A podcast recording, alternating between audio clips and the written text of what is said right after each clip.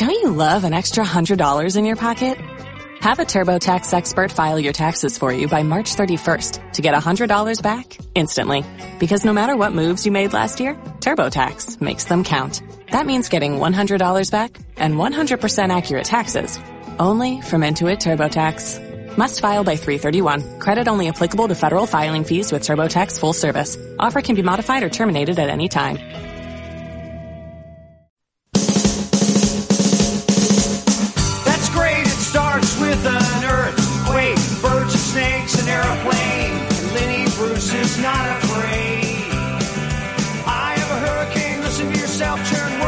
on me.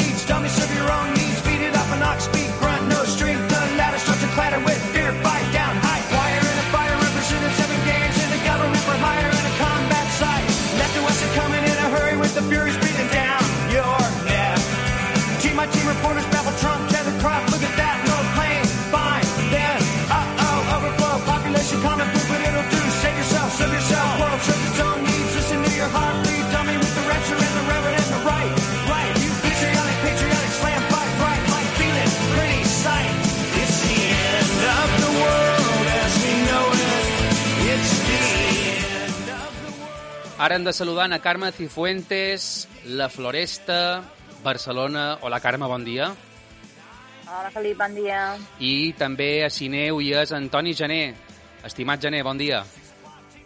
Bon dia, Felip. Bon dia, Carme.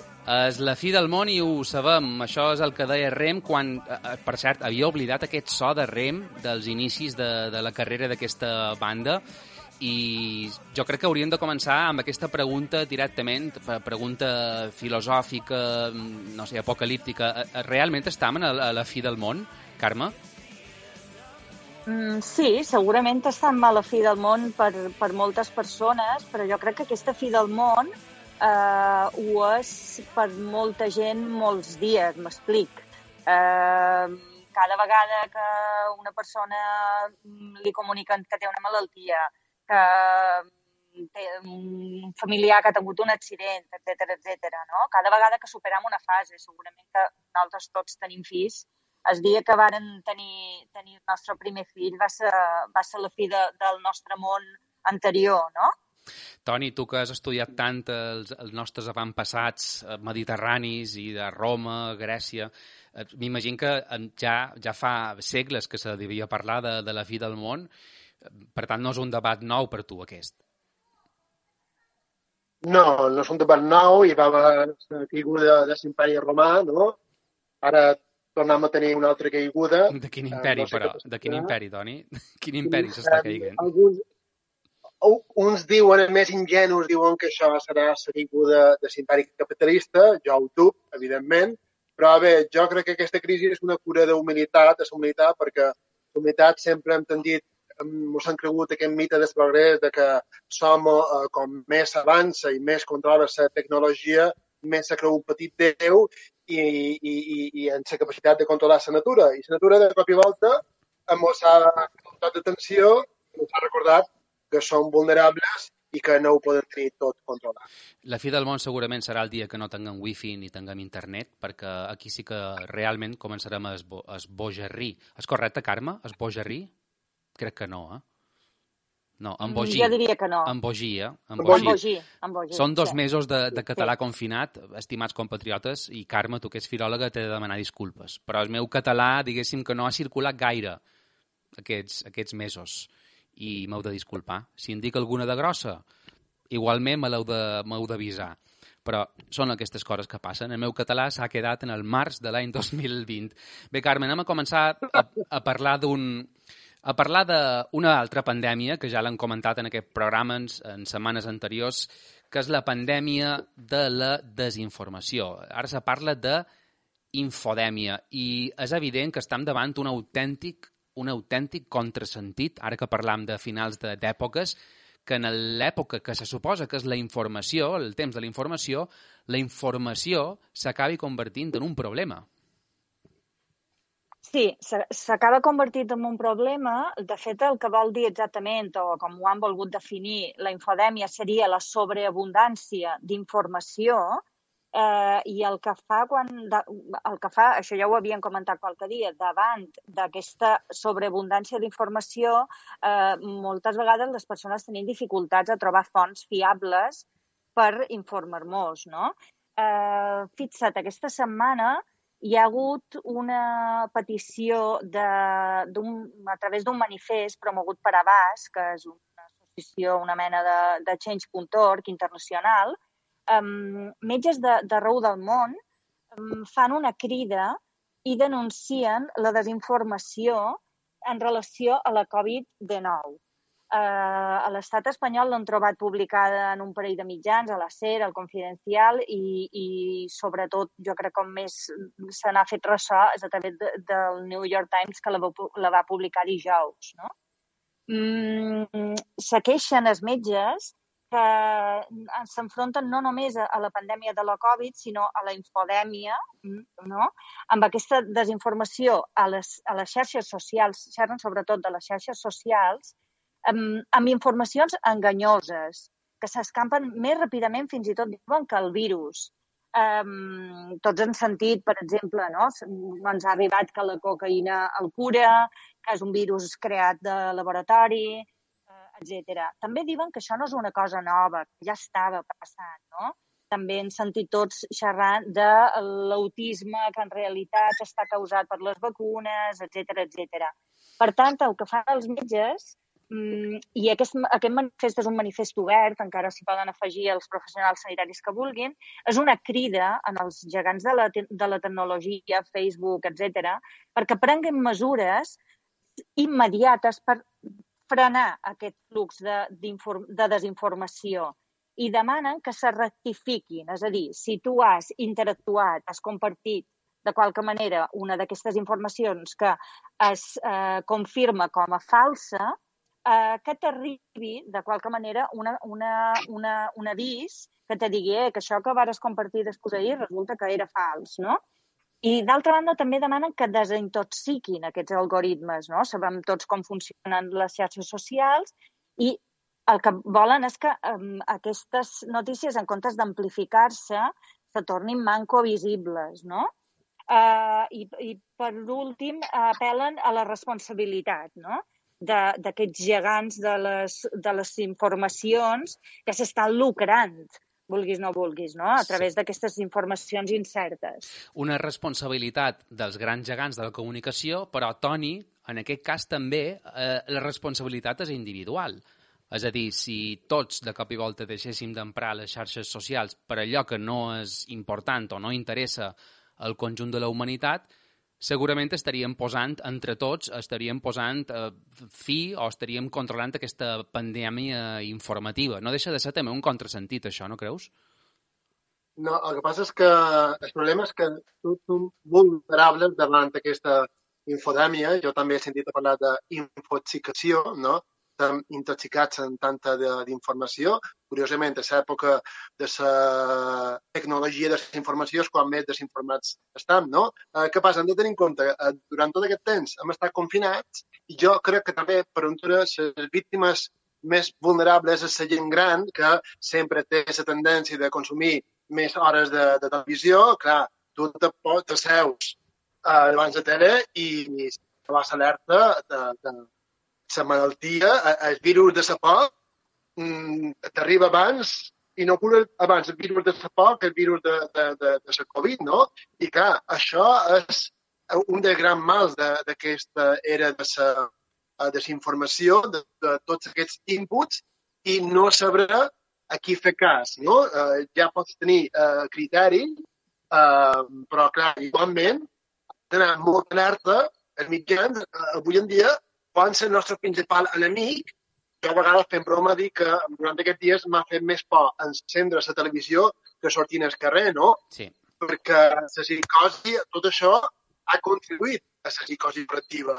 I, I aquí jo crec que, bé, no sé com s'hauria de gestionar aquesta política comunicativa. La comunicació, se n'ha parlat molt de la comunicació, de com es comunica, de quina manera es comunica. Bé, nosaltres hem vist rodes de premsa diàries, rodes de premsa que, per altra banda, hem vist moltes vegades a través de xarxes socials en directe i ha- s'ha perdut el filtre periodístic també en aquesta, en aquesta crisi del Covid-19. I també passa això, que ja comentàveu, i és que com en medicina pot passar que una persona es faci passar per metge, no? que sigui, o, o que se faci passar per policia, en el cas d'una situació com d'estat d'alarma, tenim una, una autèntica plaga que és el periodisme ciutadà alerta. No és una plaga en el sentit de, de, de com a font d'informació pot ser molt útil, però en el moment en què una persona amb un telèfon mòbil pot gravar i transmetre, aquí entrem en una escalada dif difícil, Carme, perquè mm, tu segurament, Antoni, la majoria de la gent que ens està escoltant, rep molta, anava a dir informació, jo diria més aviat missatges, continguts d'aquest periodisme ciutadà que tenen més impacte de vegades que un article que pugui aparèixer d'un filòsof al diari El Salto, per, per parlar d'algun mitjà de comunicació. Sí, uh, fixa't que jo crec que segurament eh, des de que mos han mullat, uh, varen començar amb els infants i, i ara ja poden sortir també els grans, uh, el que més han rebut per la tele jo no la mir, Toni, uh, per a lo meu són més uh, les xarxes socials, són la crítica a les persones que se salten les, les prohibicions, no? O sigui, con, rebem contínuament uh, aquesta crítica fins al punt que dia re- rere dia se viralitza, no? Això seria un, un fenomen clar del que anomenem postveritat. L'aparença de veritat és més important que la veritat en si mateixa. És més important, eh, són més importants o tenen més importància, que no, no és que ho siguin, no? Per tant, nosaltres, aquests fets, fets que són falsos, que estan ter- tergiversats, que apel·len, que això és una cosa molt important de la postveritat, apel·len a les emocions, no apel·len a la realitat, a les dades, en el que cerquen, tu parlaves dels filtres dels periodistes, no?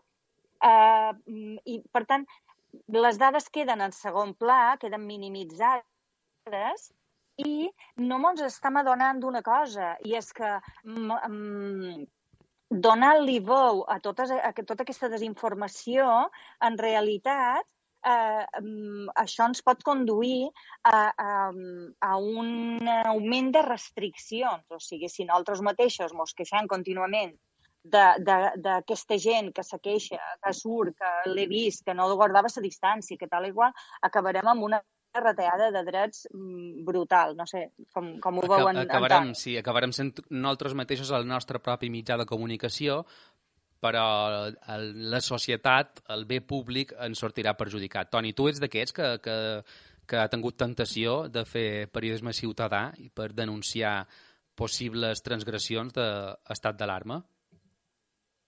Um, ja no, Eh, la veritat és que m'ha fet gràcia aquest dia és un terme que s'ha encunyat, el terme de balconazis, aquests veïnats que estan en el balcó eh, pendent del moviment de, de l'altre, no?, per denunciar-lo. Eh, en tot cas, a mi eh, el que me, me preocupa de tot això és, mm, primer de tot, el govern central, que jo sàpiga, no ha donat els noms de l'equip de científics que eh, l'assessora per prendre aquesta mesura. I jo trobo que, com a ciutadà, jo vull una veu eh, d'autoritat i eh, crec que hauria estat important saber qui, són, qui és aquest equip de- d'esport, perquè, clar, des del primer dia va, van sortir um, uh, um, testament militar a les rodes de premsa. Jo això crec que va ser un error, perquè això, més que donar tranquil·litat, alarma més la població. El que han de fer és el que hauria d'haver...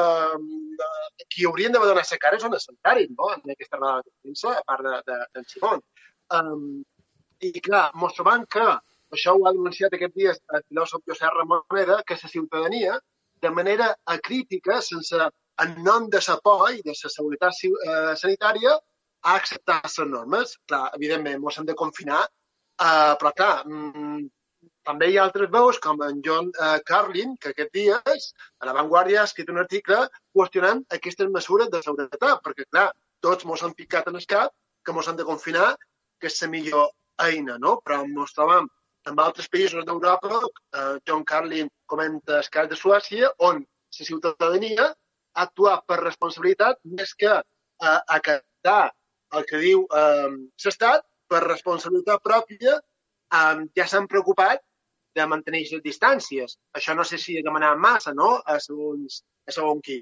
Clar, eh, per, per, per bé de, ses, de, de la salut d'un col·lectiu de risc, en John Cali eh, critica que estem eh, enfonsant l'economia del país i ell comenta aquesta um, paradoxa. Sí, i parla també, i el titula aquest article Respirar no és viure, i fa aquest contrast, Carme, entre el fet de quedar-te a ca teva per sobreviure, però d'alguna manera molts se moren lentament, sobretot se, se van enfonsant, o sortia de fora per viure, per veure com és el món, per, per, perquè t'apegui el sol, i per ventura corre perill de contagiar-se i acabar morint-se per Covid, eh, per Covid-19. Es, ens està posant en una situació com a, com a humans realment extrema, aquesta, aquest virus.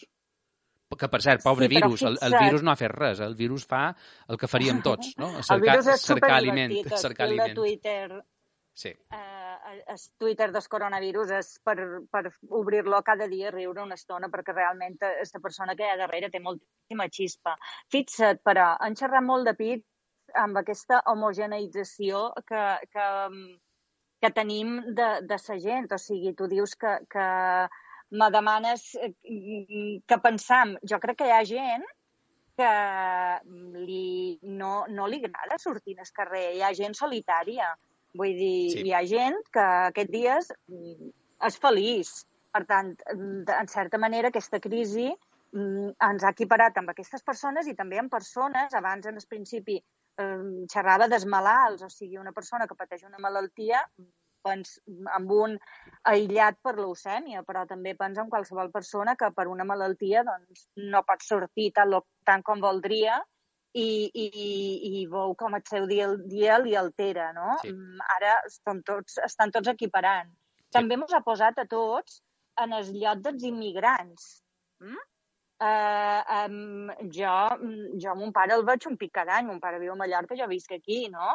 I, i, i me sap molt de greu pensar que no el podré veure la meva cita anual, però, però clar, um, això també mos ha posat eh, en el mateix lloc de totes aquelles persones que, que no per una tria personal, com va ser el meu cas, sinó per necessitat, s'han hagut d'allunyar de les seves famílies i fins i tot estan en un lloc amb una, vivint una realitat que els és hostil, surten al carrer com sortint nosaltres ara i la gent mos mira malament, sí. eh? trobam eh, no? Sí. aquestes mirades de, de, que no molt ne fiam un dels altres. Sí, no? sí, jo quan surten al carrer, bàsicament ara, Toni, jo no sé si t'ha passat el mateix, quan veig una persona, més que una persona, veig un virus.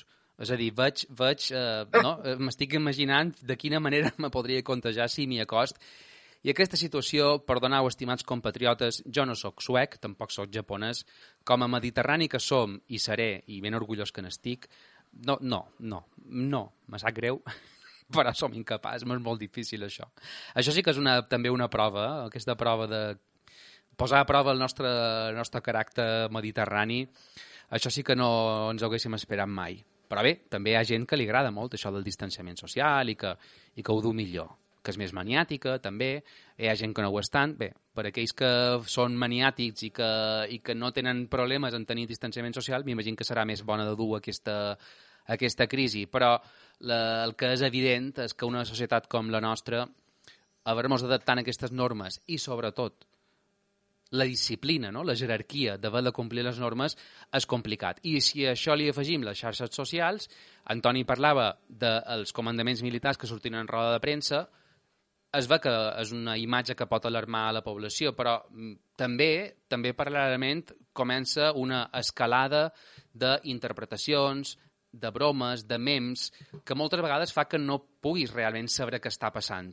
I, i en aquest país, no sé si a altres països passa, però sobretot aquí tenim aquesta tendència, abans d'entendre el que està passant, ja ho estem interpretant. I arriba un moment que un ja no sap ni què ha passat, ni si el que ha passat és cert o no, i, i és molt difícil arribar a entendre què està passant.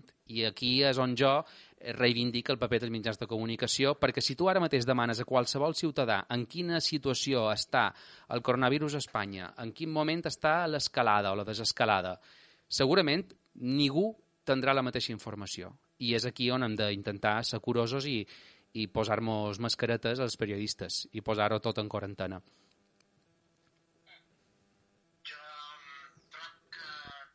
Evidentment, gestionar una crisi com aquesta és molt difícil, eh, criticar es van molt fàcil, eh, jo entenc que se sentin desbordats, però sí que veig que eh, la política comunicativa no ha estat eh, adequada perquè, primer de tot, això que hem comentat, l'estament de donar tanta visibilitat al gestament militar, mm, trobo que ha estat una equivocació, i després eh, hi ha um, contradiccions que, que jo com a ciutadà no entenc. Per exemple, se diu que els nins eh, són un col·lectiu, de, no són un col·lectiu de risc, però poden transmetre eh, el virus, no? Però clar, jo, en lloc de tancar totes les escoles, no, no seria més viable protegir la gent gran per evitar que els nens tinguin contacte amb la gent gran i eh, així no provocar que caos a les escoles. Jo de dir que qualcú això m'ho explicàs i no ho he arribat a entendre i no crec que t'ho arribin a explicar ben explicat ni que ho acabis d'entendre perquè també ens estem movent en una situació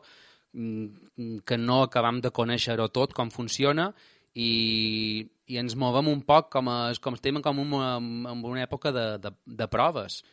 I no sé, no sé si na Carme té resposta. Tu, Carme, tu com ho dus el tema aquest de, de l'epidemiologia? Uf, uh, jo m'hi estenc, crec. Però mira, te faig una, te faig una correcció. Abans mos has demanat que te fessin correccions. Jo, no, no és una correcció mm, filològica, Escolta, sinó Carme, de concepte. Carme, m'he teat els cabells. No sé si anaves per aquí, eh? No anaves per aquí. Ja no duc aquell no pels. anava per aquí. No, ja no duc aquella No, mata no. de fa unes setmanes. Eh? Aquella grenya que pareixia... Sí, jo, jo, tam jo també, no sé si ho veus, però Sí, ja sí, no veig, pareix que el del medio de los chichos, eh? que apareixia aquests dies. El del medio de los chichos, sí senyor. Escolta, mira, jo el que volia dir, deixant de dir, per favor, distanciament social, eh, xerrant de dis- distanciament físic, Mhm. no? Perquè jo crec que, en certa manera, eh, podem, podem mantenir una relació social. El que hem de, el que hem de mm, establir és una distància física, no? en aquesta nova normalitat. Què vol dir normalitat? Uf, no? Sí, ja ho sé. Eh, que, Ja ho sé que vol dir eh, normalitat. no duguem els cabells com el medio de los chichos? Mm, no ho sé, no sé què vol dir normalitat. Jo crec que sí que sé el que vol dir normalitat i a la millor Antoni Gené estarà d'acord amb jo. Nova normalitat és poder anar en tota la família en el McDonald's a fer un bon menú i que els nins o les nines juguin en el pati aquell d'en Ronald McDonald. És així o no, Toni? Això és la nova normalitat. O poder anar a passejar en el portitxol amb el nostre cotxe, en tota la família, i fer una volteta pel portitxol i fer unes bones xerradetes. És així o no? Però bueno, no sé. Va- Tant de bo, sí. Val més riure. Eh, Toni, Carme, moltes gràcies per, per haver compartit aquests minuts amb nosaltres, estimats compatriotes. Ens hem escoltat més o menys bé, vos he vist bé, vos veig bé. Eh, de- Evidentment, ja no estem com estàvem fa unes setmanes amb aquest... Amb aquest eh, ai, no sé com dir-ho, Carme. Com es, quan tens un cabell molt voluminós, qui, quin terme més o menys, més o menys eh, acurat podríem emprar? No ho sé. És a dir, en castellà, en castellà un pelanas. Un castellà seria un pelanas, no? Pelanes, no. No ho sé, no ho sé, però, però crec que aquella imatge teva me quedarà gravada a, a la pupil·la durant molt de temps. Tancaré els ulls, pensaré en en Felip i veuré primer els cabells, no? I després, i darrere, amagat, els teus ulls. Gràcies. Eh, I en que ens llevin allò confinat. Sí o no? Que nos quiten lo bailado, que, com se diu en castellà. Idò, sí, que nos quiten lo confinado. Gràcies a tots i fins la setmana que ve. Molt bé, Gràcies. Adéu. Vagi bé.